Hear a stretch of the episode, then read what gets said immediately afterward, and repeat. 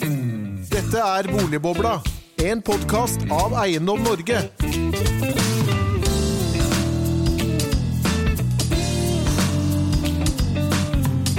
Hjertelig velkommen til en ny episode av Boligbobla, denne gang om høyere bokostnader er lik lavere boligpriser.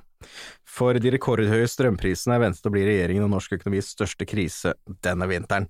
Og ifølge Huseiernes ferske bokostnadindeks er det ikke bare strømutgiftene som øker for husholdningene, bokostnadene vil øke på vid front i tiden fremover. Hvorfor blir det stadig dyrere å bo, og hvordan skal vi redusere bokostnadene i Norge, spør vi. Og ikke minst, hva betyr økende bokostnader for eh, boligprisene fremover? Henning, du er jo sjefen over boligprisene. Det er betydelig flatere utvikling i boligmarkedet nå? Det er et boligmarked som eh, på mange måter har gått tilbake til normalen, samtidig som det er litt grann unormalt. Eh, boligprisene de sank bitte litt i oktober, og det er normal, det er det det gjorde før korona vanligvis. Og samtidig så, så, omsettes det en god del boliger, og det som kanskje er spesielt, er at det går veldig fort på boligmarkedet. Eh, boligene omsettes mye raskere enn det vi har sett tidligere.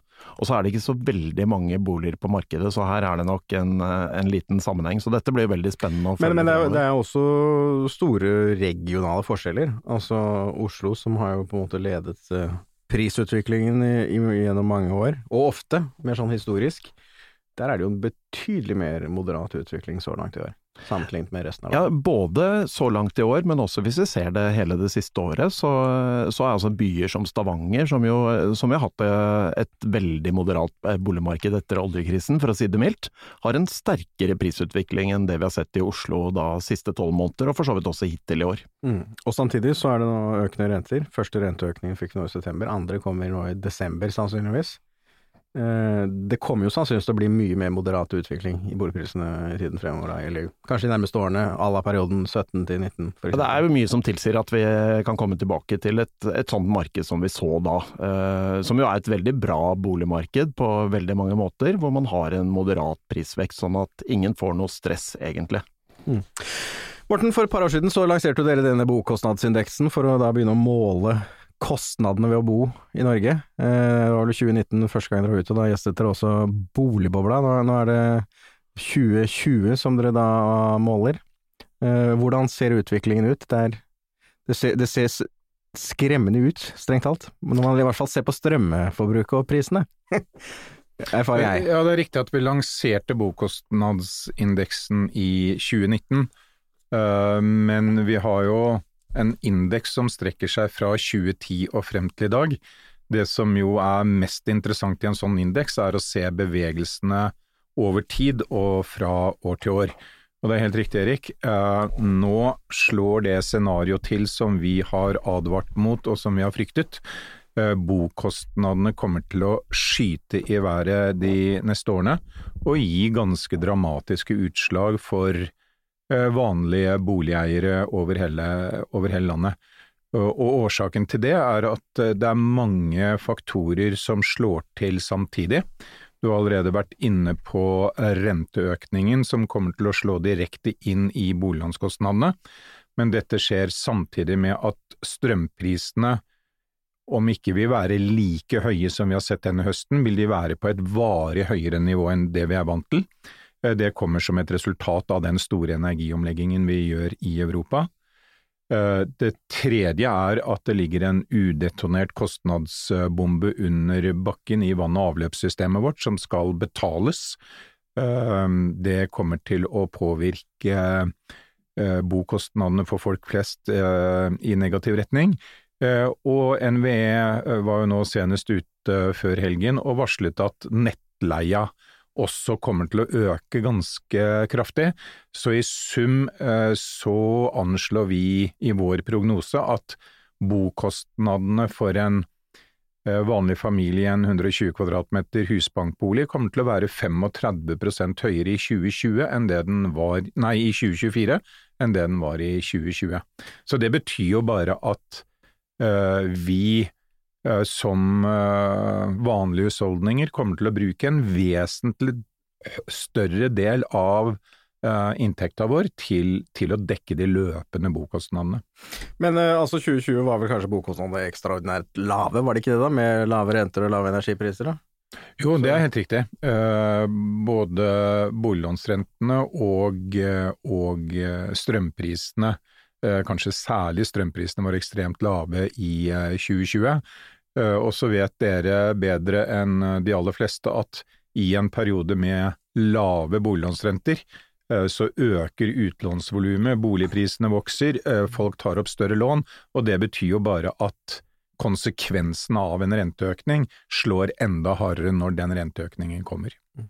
Men, men det vi på en måte ser her i strømmarkedet, er, er det en slags sånn perfekt storm, er det vel noen som har kalt det? Altså, jeg må jo si når jeg ser på min egen strømregning de siste, siste månedene, det, det, er jo altså aldri vært i nærheten. Altså, Uh, min, og jeg er ifølge min strømapp veldig god. altså mindre, ja, tror, mindre strømforbruk enn gjennomsnittet. Erik, jeg tror jo uh, folk som nå er bevisste på sitt eget strømforbruk, mm. uh, og som gjennomfører de kall det konkrete sparetiltakene du kan gjøre på kort sikt, blir overraska når strømregningen kommer. Mm. Fordi at energiforbruket sammenlignet med september, oktober og november i fjor mm. eh, er lavere, men regninga er det dobbelte. Tidobbelte, for mitt vedkommende. Ja, ja, men, men, men, altså, bare la meg ta det lange, det, ikke det lange resonnementet, men, men, det litt lengre perspektivet. Um, som begrunner hvorfor strømprisene kommer til å være på et varig høyere nivå de to neste tiårene. Ehm, CO2-avgiften kommer til å øke kraftig. Det er for å gjøre fossil energi dyrere. Samtidig så er vi i en situasjon hvor fornybare kilder i Europa ikke er i tilstrekkelig grad bygget ut for å kunne kompensere for den, eh, den utfasingen av fossil energi. Det betyr ganske enkelt at uh, ren norsk vannkraft blir mer verdt. Uh, produksjonskostnaden i et eksisterende vannkraftverk er ca. 3 øre per kilowattime.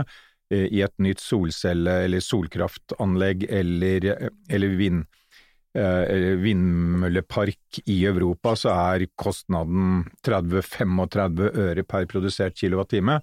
Og da skjønner jo alle at da blir vannkrafta vår også dyrere, inntil du er kommet i en situasjon hvor du har fått bygget ut um, fornybar energikildene i Europa og skapt en form for balanse. Så uh, fram til 2040 uh, må norske forbrukere uh, forberede seg på en betydelig høyere strømpris enn det vi har vært vant til i Norge. Og så har strømprisen vært veldig lav i Norge, da, men, eh, men, men sånn er det bare. Men Kristian, hva, hva, betyr dette, dette, bildet her for, for boligprisene? Den perfekte stormen? Eh, ja, du sier noe. Perfekte stormen. altså, altså, altså, der sitter vi og Morten og snakker altså, Korona er jo egentlig den perfekte stormen, hvis Kor du ser det i et enda større, mer sånn globalt bilde Kor med råvarer og flaskehalser i økonomien. Ja, helt klart. Og det er fordi at sentralbankene, eh, og mange andre, eh, misforsto egentlig litt hva som skjedde når korona kom, ikke sant. Fordi man, eh, da kriser kommer, så pleier man å stimulere etterspørselen. Eh, problemet her var at etterspørselen aldri forsvant. Det, det, var mer en tilbudsside krise, rett og slett. Det vil si at de stengte sektorer, eh, og så pøser man på med likviditet, eh, kutta renter Som i realiteten er etterspørsel, da. Mm. Ja, som etterspørsel, ikke sant. Mm. Som får folk til å bruke penger. Så vi ga liksom bånn gass da, i de åpne sektorene, og der er jo boligmarkedet. ikke sant? Boligmarkedet er åpent, og vi ser det på veldig mye annet, og varekonsum osv. Gikk i taket eh, under pandemien, eh, mens vi måtte kutte ned på det vi ikke fikk lov til å bruke. Men det var ikke det som er typiske klassiske kriser, er at vi mm. blir redd for å bruke penger og at du begynner mm. å spare fordi at du Typisk finanskrisen? Ja, finanskrise osv. Mm. Egentlig alle, egentlig nesten nedturer. Eh, denne gangen var det annerledes. Eh, og sånn sett kan du si at sentralbankene havna litt på etterskudd, litt på bakfoten. Eh, hvis du husker tilbake til våren 20, så sa Norges Bank at renta kom til å være null ut prognoseperioden. Mm. Mm. mm. Og så har du hele tiden dratt nærmere. Mm. Og jeg tror at Øystein Olsen er veldig glad i dag, hva skal gå av på nyåret. Mm at han har begynt å øke renta. Mm. Eh, for jeg tror ikke han ville vært komfortabel med å gått av med nullrente. Men det du sier er at nullrenten, det var egentlig en krontabbe? ja, altså, altså, med, eh, med, på en måte fordelen å se i bakspeilet, mm. Eh, så skulle de kanskje satt opp rente, eller signalisert renteoppgang raskere.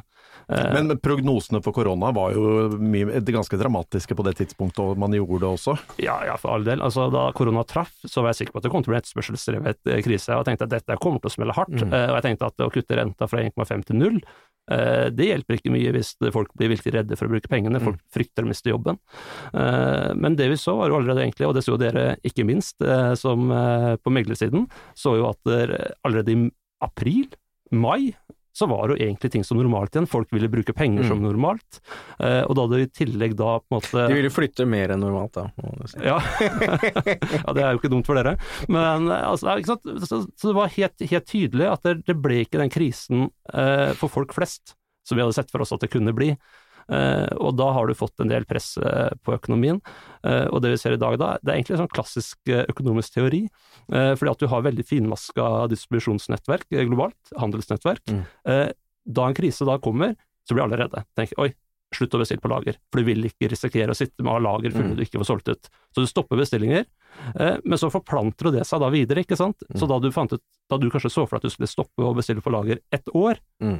så finner du ut to måneder etterpå oi, vi må jo få inn varene, vi må få inn varene. Og så mm. tenker alle det samtidig, mm. Eh, og da blir det trangt i døra. Eh, så det er egentlig veldig klassisk økonomisk teori, eh, og så da tar det lang tid, du får flaskehalser i økonomien, mm. og det er det vi egentlig opplever nå. Og, prisøkninger, da, som også er, er jo egentlig Og prisøkninger. Da. Så dere hva byggekosten var i dag? Kom tall fra SSB. 26% for materialer siste året, oppgang. Det er klart det blir dyrere renter, priser osv. på boligprisene da. Så, og det store, det som jeg syns er veldig spennende, er jo sentralbankene rente, hvordan på en måte pengepolitikken, finanspolitikken innretter seg etter det er sånn. Eh, det store spørsmålet er jo er det midlertidig, mm. eller vil på en måte inflasjonen bite seg litt fast? Uh, og der er jo juryen fortsatt ute, vi vet ikke hvordan det mm. blir. Men det er mer og mer tegn til at du ser en bredere inflasjon. Da. Det er ikke mm. bare energiprisene som går opp, uh, osv., uh, men det er over hele fjøla. Uh, og så er det noe også med prisoppgang som er at der, prisene går lettere opp enn ned, ikke sant. Pris, prisoppgang kan bite seg litt fast. Men høye, altså høye, energipriser alene bidrar ganske mye inn i inflasjonen? Det var vel ja. de tallene som kom fra SSB her på, på kjerneinflasjonen, var jo relativt lav i Norge. Mens er jo lav. inflasjonen med eh, strømprisene var jo markant høyere. Men, men, du ser at det er, er, såpass mange varer internasjonalt nå som begynner å stige, at kjerneinflasjonen i Norge kommer til å komme opp. Uh, I USA så har det høyeste inflasjon på 30 år. Ja, det var jo 5-6% 6,2 ja. Og det er vel altså Man trodde jo på en måte at man hadde lagt uh, inflasjonsspøkelset, om man kan kalle det det, bak seg. Ja, og det er Altså, jeg kjøper veldig Det er mye som er midlertidig. For det er klart, inflasjon måles også på tolv måneders basis. Så det betyr at om tolv måneder, hvis ikke det stiger mer fra i dag, så er vi på en måte på null inflasjon igjen, ikke sant. Eh, men å kalle det midlertidig er kanskje feil. Eh, for det er klart som Morten sier, hvis bolig, altså bokostnadene øker 35 neste fire åra, mm og så eventuelt flater ut, så har de fortsatt økt 35 selv om eh, oppgangen fases ut etter hvert, ikke sant. Så det er på et høyere platå, rett og slett. Mm. Eh, og sånn sett så kan du si kanskje at eh, man hadde vært bedre stilt eh, ved å stramme inn pengepolitikken litt raskere etter pandemien, for å unngå da disse 10-15-20% i boligprisene. Men, men, nå står man jo en gang i den situasjonen man står i i pengepolitikken, man har gjort de valgene man har gjort, osv. Eh, Eh, og så kommer jo da strømprisene. Altså, bill, altså den, de vanvittige strømutgiftene, det vil jo også sannsynligvis svekke utviklingen i økonomien, som da skal gi lavere rente. Altså dette vil jo gi mindre konsum, det vil gi høyere utgifter for industri og næringsliv osv. Ja, og det er jo det som er det spennende, for det er klart Norges Bank vil ikke øke renta sånn at de knekker økonomien. Mm. Men problemet er hvis inflasjonen biter seg fast, mm. og kanskje stiger mer enn de er komfortable med, kanskje det blir tvunget. Uh, hvis vi skal bli veldig historiske, kan du gå tilbake til 70-tallet med stagflasjon, ikke sant. Mm. At du får lav økonomisk vekst og høy prisvekst.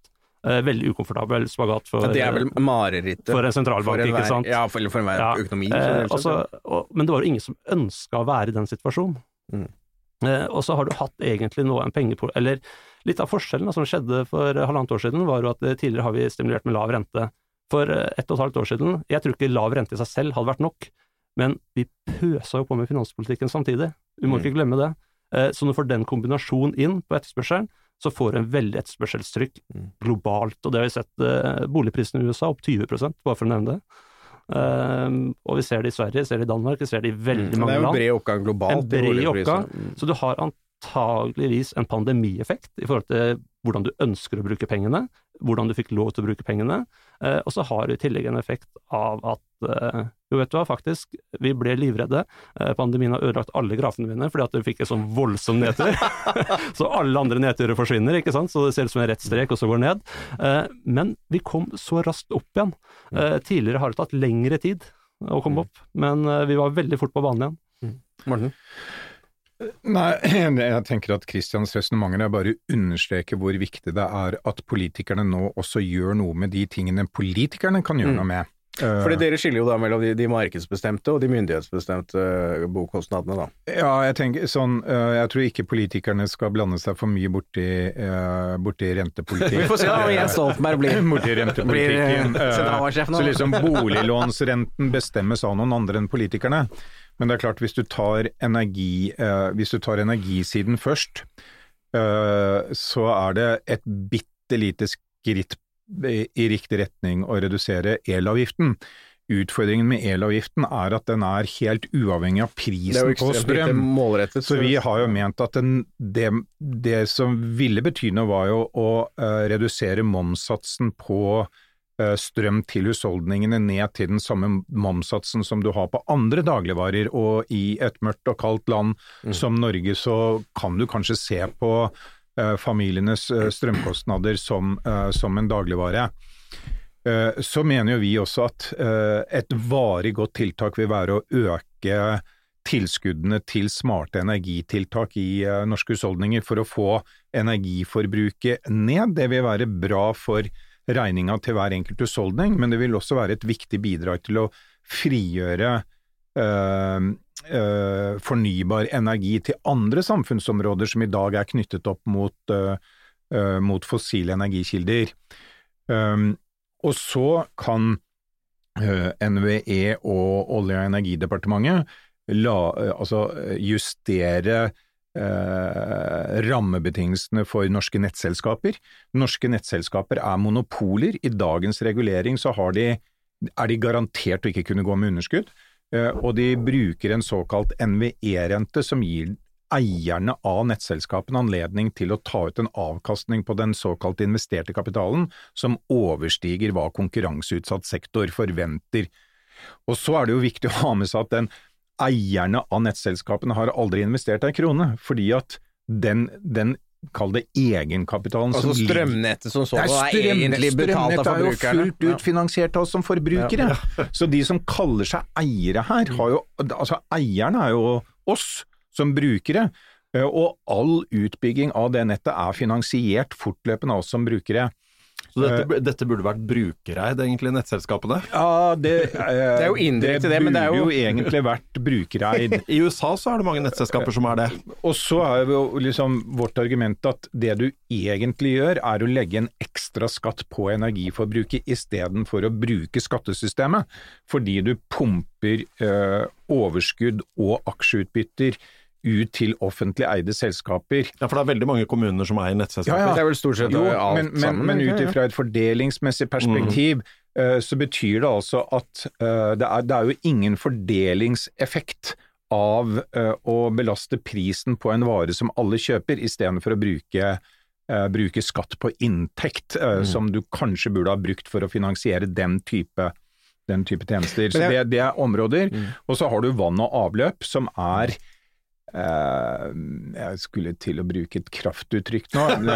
Du må gjerne bruke kraftuttrykk når vi snakker om kraft. Men, men, men nei, nå snakker vi om vann og avløp. Um, vann og kloakk. Um, men det, men det er jo det er jo et monopol uh, som er regulert med rammebetingelser som egentlig premierer ineffektivitet.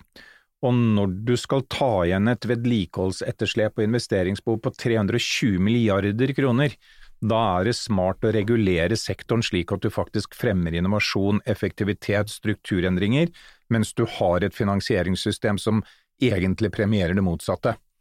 Eh, Så vi har i de tre-fire siste årene snakket med både regjering og folk i, i, i kommunalkomiteen om at der må staten ta grep for å få fram effektivitetsforbedringer som gjør at prisøkningen blir mindre. Jeg sier prisøkningen blir mindre, du får ikke Mm. kostnadene ned, men du kan få kostnadsveksten noe, i noe større grad under kontroll. For altså kommunene har ingen insentiver til å effektivisere uh, det nettet de eier.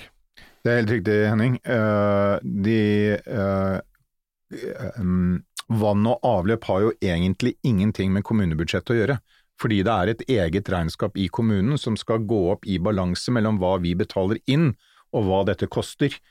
Og det er klart at når du har et monopol eh, som, eh, som eh, kan sende enhver kostnadsøkning gjennom økt faktureringsbeløp mm. til kundene sine, og kunden ikke har noe valgmulighet, det er ikke det er rammebetingelser som stimulerer til å tenke effektivitet. Men det er vel noe av den samme, samme diskusjonen egentlig på strøm også? Altså at... Nei, der har du hatt et inntektsrammesystem okay. da, som gir en maksimal som gir nettselskapene en, en maksramme for hva de kan ha i total inntekt. Mm.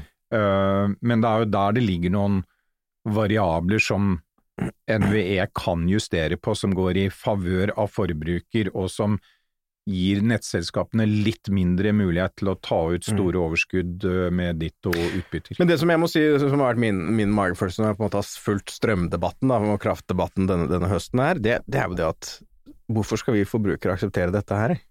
altså, én eh, er jo da de enorme store forskjellene internt i Norge. Altså strømprisen er da ti ganger høy i Sør-Norge, sør for å være Dovre eller noe sånt, enn det det er i nord for Dovre. Det andre er jo det Folldal er grensen. Er det Folldal som er grensen? Det andre er jo det at det fremstår for meg som om norske politikere, med, eh, kanskje ikke med viten og vilje, men, men til en viss grad har ødelagt det norske kraftsystemet. Altså Billig kraft har vært Norges komparative fortrinn. Nå er prisen da vi er avhengig av prisen i Tyskland. Altså, dette her er jo en, en krontabbe, kan det jo egentlig virke som.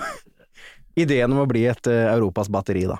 Som det het for noen år tilbake. Jeg tror du peker på noe viktig, Erik, og det er at inntil nå har forbrukerinteressene vært relativt dårlig organisert og har hatt lite oppmerksomhet på dette området. Det er få av oss som har bygget kunnskap, og så møter vi en velorganisert bransje hvor forbindelsene mellom eh, produksjonsledd, nettselskap, strømselskaper eh, og regulator har vært ganske tette.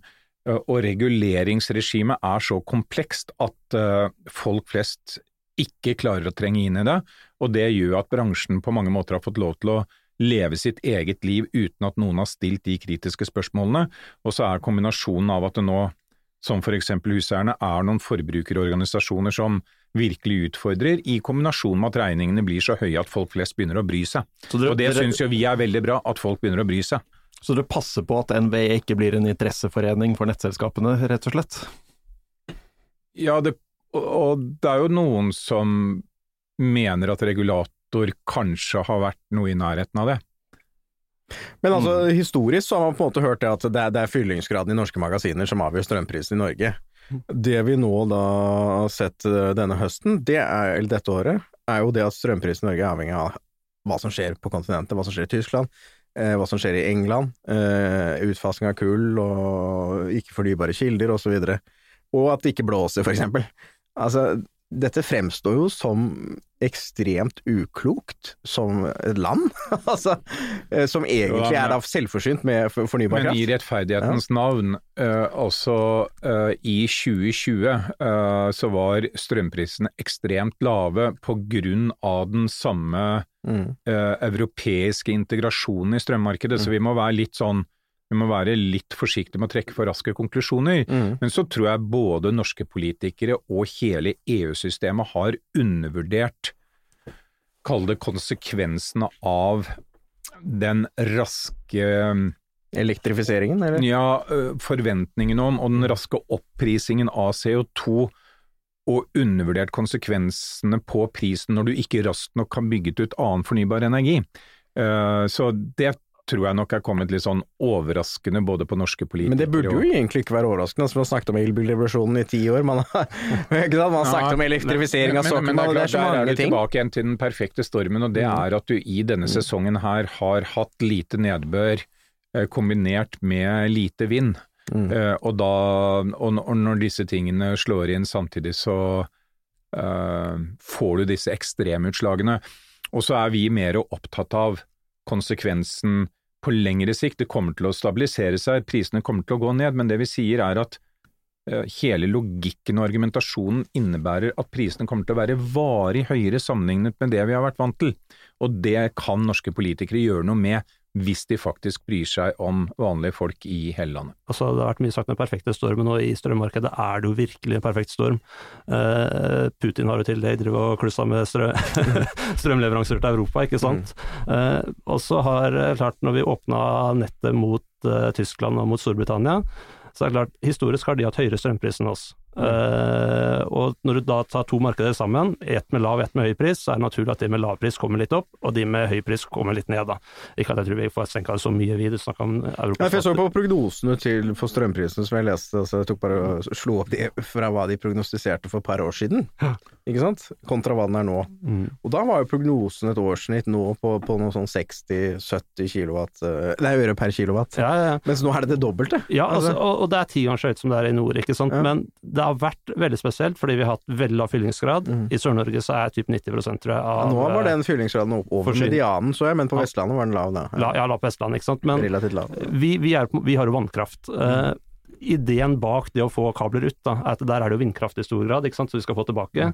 Uh, vindkraft må du forbruke da det er ferdig. Altså, det må forbrukes. Og det var derfor vi hadde til tider var en negativ strømpris i fjor. Mm. Uh, fordelen med vannkraft er at vi kan jo lagre det, ikke sant. Mm. Mm. Uh, så over tid uh, så skal jo dette her ikke bli så galt, da. Vi ble jo solgt inn to til tre øre per kilowatt. Jeg er litt usikker på om jeg ser hvordan dette her går. om det, men, om det... Men, men, på kort sikt for nasjonaløkonomien så selger vi jo nå rådyr både olje og gass til Europa i energikrise. Så, vi så, så vi har jo penger på statsbudsjettet, men, men husholdningene betaler prisen. Men det er jo det som er litt av utfordringen her, Henning. og det som vi advarer mot når vi snakker med myndighetene om dette, og det er jo det folk opplever som nå en helt urimelig byrdefordeling. Mm. Så vi satt og regnet på hva, hva sånn, og da var vi nøkterne. Altså hvis, hvis, prisen var 80 øre i kilowattimen i gjennomsnitt fra september til og med desember, da var statens momsinntekter mm. ekstra, jeg sier ekstra, på folks strømforbruk mm. ca. 5 milliarder kroner. Så ikke sant, bare, bare på grunn av den bare pga. prisøkningen mm. så får staten en merinntekt på 5 milliarder kroner i momsinntekter. Altså staten blir enda noen... rikere, mens husholdningen ja, blir fattigere. altså, det er jo et paradoks. Når Fridtjof Jacobsen i Dagens Næringsliv mm. og andre latterliggjør den mm. reduksjonen i elavgift, uh, som koster 3 milliarder kroner mm. over statsbudsjettet, mm. så, så, ser de helt bort ifra at staten allerede har tjent mye mer enn de 3 milliardene ekstra på den høye strømprisen. Så egentlig så det der, paradoks, de burde ikke kuttet mye mer, egentlig er det ja, altså, Jeg tror folk flest opplever det litt sånn, igjen med tanke på byrdefordeling, penga renner ut av mm. egen lommebok og egentlig rett inn i statskassa. Inn i kommunens nettselskap, ja, inn i statskassen, og ja. staten tjener i tillegg masse penger på olje og gass som de selger til Europa, som i hvert fall er gunstig på kort sikt, da, kanskje ikke på lang sikt. Men det er jo noen hårreisende paradokser her, ikke sant? Ja, og så er det jo Altså, det truer jo, hvis man skal tenke politikk på det, så mm. truer det jo egentlig det grønne skiftet. Eh, for jeg vet, i dag så gikk jo var Biden ute, og de skal jo jobbe nå for å nesten stenge grensene, ikke sant, i forhold til eksport av olje. Mm. Eh, det truer jo den overgangen ikke sant, eh, fra fossil til fornybar. Når folk oppfatter at eller, altså, sånn, Når en vanlig husholdning oppfatter at byrdefordelingen ikke blir rettferdig, mm. og at en for stor belastning blir på vanlige folk, da risikerer mm. du også at oppslutningen om de andre nødvendige mm. tiltakene i det grønne skiftet uh, svekkes.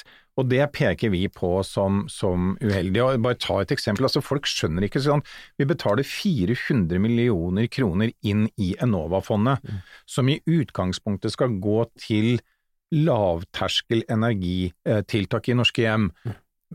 Det ser jo Enova totalt bort ifra. I år har de utbetalt ca. 100, kroner, nei, 100 millioner kroner mm. til tiltak for å redusere energiforbruket i norske husholdninger. Eh, så, så vi, så det har blitt en slags skatt i stedet for Skatt, og, ikke sant?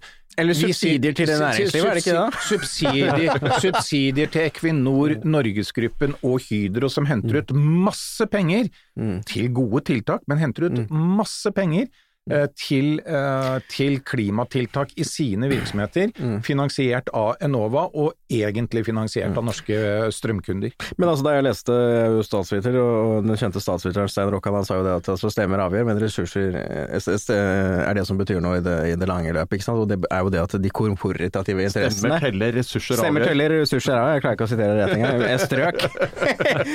men altså, det er jo egentlig det vi ser her, altså de sterke, hva skal du si, korporative kreftene lobbykrefter, som det kalles i dag, er de som uh, driver med den beste rent-seekingen. Forbrukerne betaler regningen. Og rentseeking kommer jo til å bli mye av fremover med aktiv næringspolitikk, ja. eh, som er i veldig vinden både internasjonalt og her hjemme. Altså, eh, hva skal si, eh, Å få penger fra staten er jo en egen nisje i business. ja, det er, det er, klart det. Og ikke minst er det aktuelt med renta nær null. Altså I Norge har vi en litt opp, men han er jo null i resten av Vesten, mer eller mindre. Uh, skal, hvordan skal staten uh, på en måte stimulere økonomiene? Det blir gjennom en... Et næringsliv som har tilgang på ekstremt mye billig kapital. Ja, altså Det er jo forretningsideen til han Vestre, da, næringsministeren. ikke det? Ikke ja. Både kundene er staten og kommuner, og da kapitalkildene er staten og kommuner. ja, så, du, så du får en veldig renessanse for finanspolitikk, rett og slett. ikke sant? Men hvordan skal vi fikse dette her da, Morten? Det, det, dette, dette, er jo egentlig ille, sett fra vanlige folks ståsted? Ja, nå kan jo, Som er i tiden å snakke om. Nå kan jo vanlige folk gjøre litt sjøl, da. Eh, og vi kan jo ikke rømme helt fra ansvaret for den boligen vi gjerne vil eie sjøl og skape trygg ramme rundt livene våre. Eh, så det er ikke sånn, vi, altså, vi er jo som organisasjon er vi ikke opptatt av å dytte alt dette ansvaret over på på staten. Staten er jo egentlig ikke noe annet enn en summen av uh, hver enkelt av oss. Um, så, så, så, du kan gjøre noen tiltak sjøl. Uh, du kan altså, uh, til alle som har elbil, uh, sørg for å skaffe dere en teknologi som gjør at dere lader elbilen mellom 11 om eh, kvelden og 6 om morgenen. Og det blir viktig når nettariffen legges om? Ja, det blir enda viktigere da. For det er fra nyttår da, ikke sant? Med ja, det er fra nyttår. Da må du passe på at du ikke har et høyt samtidig forbruk, for da skal du bli priset hardt når hvis den piken er høy. Så jeg bare sier, du kan like gjerne trene nå på julaften når du steker eh, ribba eller trekker pinnekjøttet eh, og kanskje kjører en oppvaskmaskin samtidig, da kan det hende det er lurt å skru av varmekablene på badet. For det koster plutselig 200 kroner å kjøre? I hvert fall ikke la det i elbilen samtidig.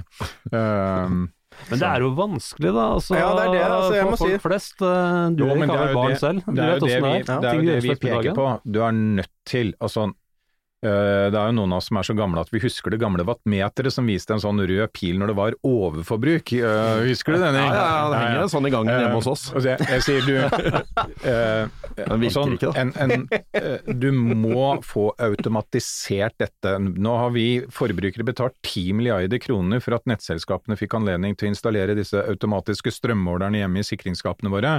Nå må vi ta i bruk den den smartnessen som ligger i de eh, automatiske strømmålerne, åpne det som heter Han-porten, og få på plass den teknologien som gjør at hva, vi får styrt Hva er det for noe Han-port? Ja, det, er, det, er, det, er, en uh, mulighet til å få sanntidsinformasjon om uh, strømforbruket ditt, mm. og den sanntidsinformasjonen kan sammen med andre styringsenheter mm. hjelpe deg til å ta ned strømforbruket ditt på de områdene mm. hjemme som ikke er, kall det, tidsavhengig. Men er dette noe vanlige folk skjønner og klarer ja, det var det, altså, for jeg har prøvd å sette meg litt men, inn i men, dette. Men, men sant, det, er jo igjen litt sånn ut ifra, kall det et fordelingsmessig perspektiv, ganske uheldig, da, fordi at det vil fi, altså, de teknologiinteresserte og altså, ressurssterke, de fikser jo selvfølgelig, ja, men er det liksom befolkningen for øvrig fikser? Og der, der, får du igjen litt rundt byrdefordeling, da, fordi at øh, nettet Eh, er et nullsumspill. Mm. Hvis du gjør tiltak som innebærer at din nettleie går ned, da vil nettleia til de andre av oss øke. Eh, fordi det, altså, nettleie er 100, og hvis du bidrar til at den kommer ned i 98, så må vi andre Det er fast, altså. Ja, ja. Mm. Eh, og, og, så de som både har kunnskapen mm. og interessen, og har penger til å investere i den teknologien som gjør at du kan automatisere dette uh, effektuttaket, som det kalles da, det, det samtidige strømforbruket, mm. og kanskje også koble opp mot strømprisen for å optimalisere gjennom døgnet. Mm. De vil redusere sin regning og sende den ekstraregninga til de som ikke har den kunnskapen, eller som ikke har råd til å investere i den teknologien. Og det har vi prøvd å påpeke overfor myndighetene, mm. uh, men der sitter det nok noe skrivebordsøkonomer som ser dette utelukkende ut fra et sånn samfunnsøkonomisk perspektiv i hva nettet, nettet koster, og så glemmer du både å balansere byrdefordelingen mellom ulike interessegrupper, og du mm. glemmer å tenke på hva er det egentlig som fremmer atferdsendring. Men vann- og avløpsnettet blir vel ikke utfordret i fremtiden, men vi kan jo få sånne ting som lokale, hva heter det, sånne lokale energinett, lokale energifellesskap og, og andre ting. Så det, så det, er jo et område altså, som For tre og et halvt år siden så la jeg solceller på taket. Produserer Den dårligste sesongen har jeg produsert 6000 kWt, den beste sesongen har jeg produsert nesten 8000 kWt. Og en gjennomsnittlig enebolig er 20 000 i året? Og i, uh, altså om to-tre år uh, så er batteriteknologien blitt så rimelig at jeg er ganske sikker på at jeg har et kabinett i, bak et garderobeskap hvor jeg, henter, hvor jeg, lagrer energien selv. Både den jeg produserer som jeg ikke får brukt i det øyeblikket jeg produserer, og så kommer jeg til å hente strøm fra nettet når kapasiteten i nettet er god, prisen er lav. Og så kommer jeg til å bruke opplagret energi fra mitt eget batteri i huset mitt på de tidspunktene hvor uh, strømprisen og nettleia er på det dyreste. Så da utfordrer du både nett og nettleien?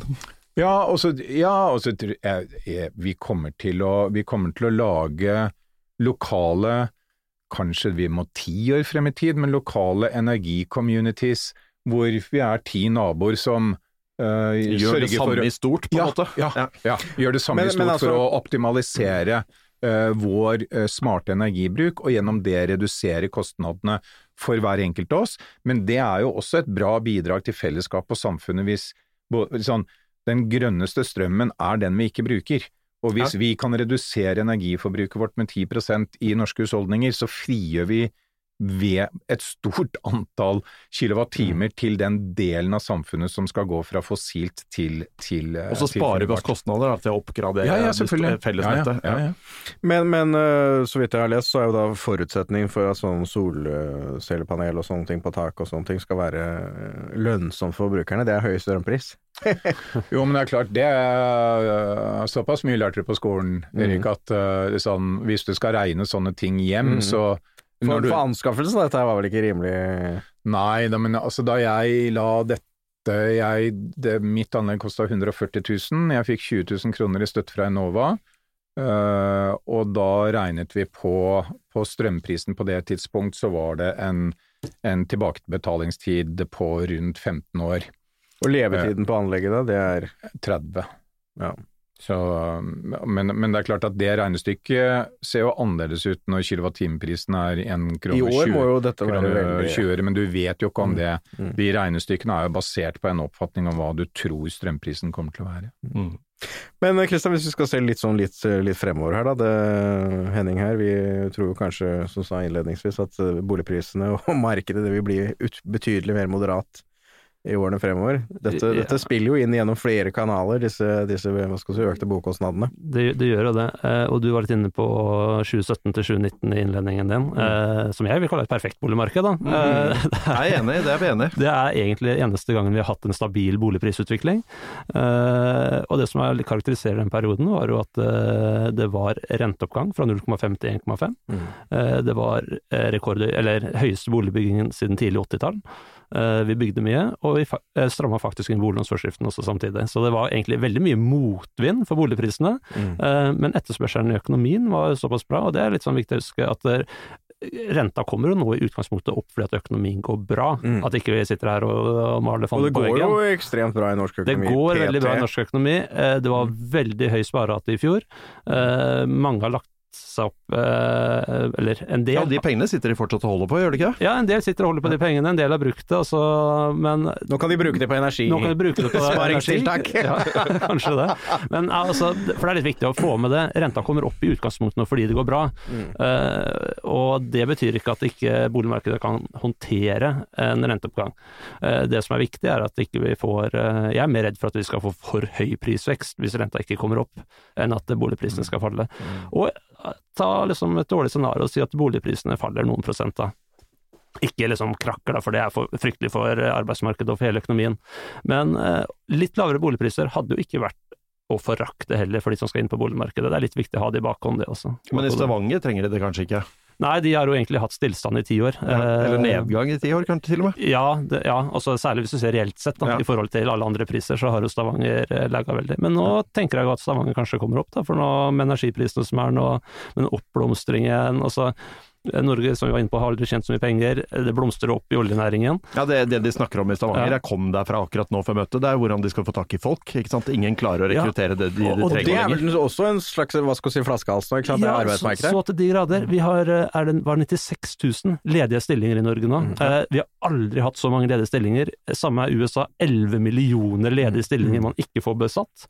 Du kan jo ane konsekvensene for fremtidige lønnsoppgjør, sånn på kort sikt med med inflasjon, økte bokostnader og stor etterspørsel etter arbeidskraft, kan jo gi et, blir, kan blir, gi et uh, interessant blir, scenario i forkant av lønnsoppgjørene. Det blir ikke borgerlønn med det første?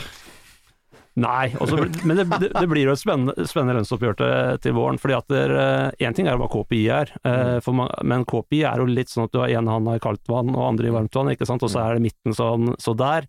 Jeg tror mange opp opplever at det du bruker penger på i hverdagen stiger mer enn eh, KPI, eh, altså KPI er kjerneinflasjon, mm. eh, og den ligger på 1% det er ikke det folk opplever. Mm. Og det er litt med hva som stiger, for det som stiger i verdi, er jo, og har gjort over mange år, er jo ting som ikke er konkurranseutsatt fra utlandet. Eh, bolig faller jo selvfølgelig inn i den kategorien, du kan mm. ikke dra til Asia og ta hjem en bolig, eh, men du kan ta hjem teknologi, du kan ta hjem klær osv. Det har falt i verdi, blitt billigere, og så har det vi ikke, som ikke er konkurranseutsatt utenfra, utenfra har blitt mye dyrere, eller eventuelt er regulert ut av konkurranse. Da. Mm. Uh, og, og, det er litt viktig å huske. Og så kan du si hvordan kalkulerer du inflasjon også, uh, hvis du tenker mm. opp mot lønnsoppgjør? Mm. Jo, uh, du ser jo på at teknologi faller i verdi, men hvor, hvorfor det? Vi opplever ikke når du går på butikken, så koster jo iPhone i dag 10 000-15 000.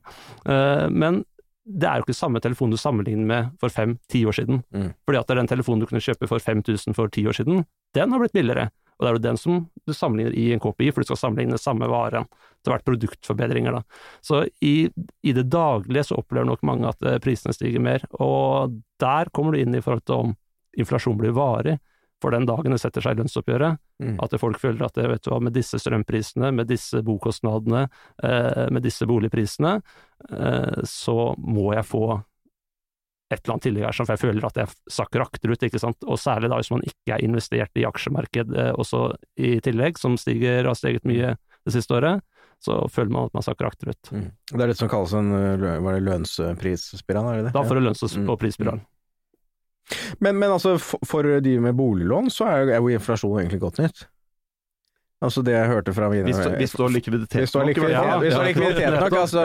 Eh, det var jo sånn økonomisk tips eh, fra foreldregenerasjonen. Det Du ta lån, inflasjonen stiger alltid, og, og, og, og reduserer kosten, eller altså mm, størrelsen av lånet. Ja, og det har jo vært en eh, ført politikk det siste tiåret. Etter finanskrisen så har jo politikken til all verdens sentralbanker har jo vært egentlig det vi kaller formueskanalen. At man stimulerer markedene for å få formuesverdier til å gå opp og så skal det på en måte trickle down i økonomien. da. Uh, det, det, har de jo ikke gjort i det hele tatt. Eh, I, I, den grad man skulle kanskje tro. Sentralbankene vil jo si det, uh, men sentralbankene sitter jo hele tiden med en sånn balansegang. Skal du stimulere økonomien her og nå mm. for å få ned arbeidsledigheten, full sysselsetting? Mm. Mm mot en vurdering hva gjør det med den finansielle stabiliteten på sikt. ikke sant? Mm. Litt sånn langsiktig mot kortsiktig vurdering, eh, der jeg tenker at eh, kanskje man, modellene deres legger litt stor vekt på det kortsiktige. For det er klart, på kort sikt så er det alltid fint å bruke penger, mm. eh, men på lang sikt så kan det skape en del mekanismer som er uheldige for økonomien. Mm. Nei, Tiden går jo unna når vi sitter her, folkens. Eh, vi må gå inn for landing. Eh, vi pleier jo alltid å stille fast, fast spalte til alle gjestene. Det var din første bolig. Morten, du har jo vært her før. Vi må høre hva din siste bolig er, for den, den har du jo oppgradert også.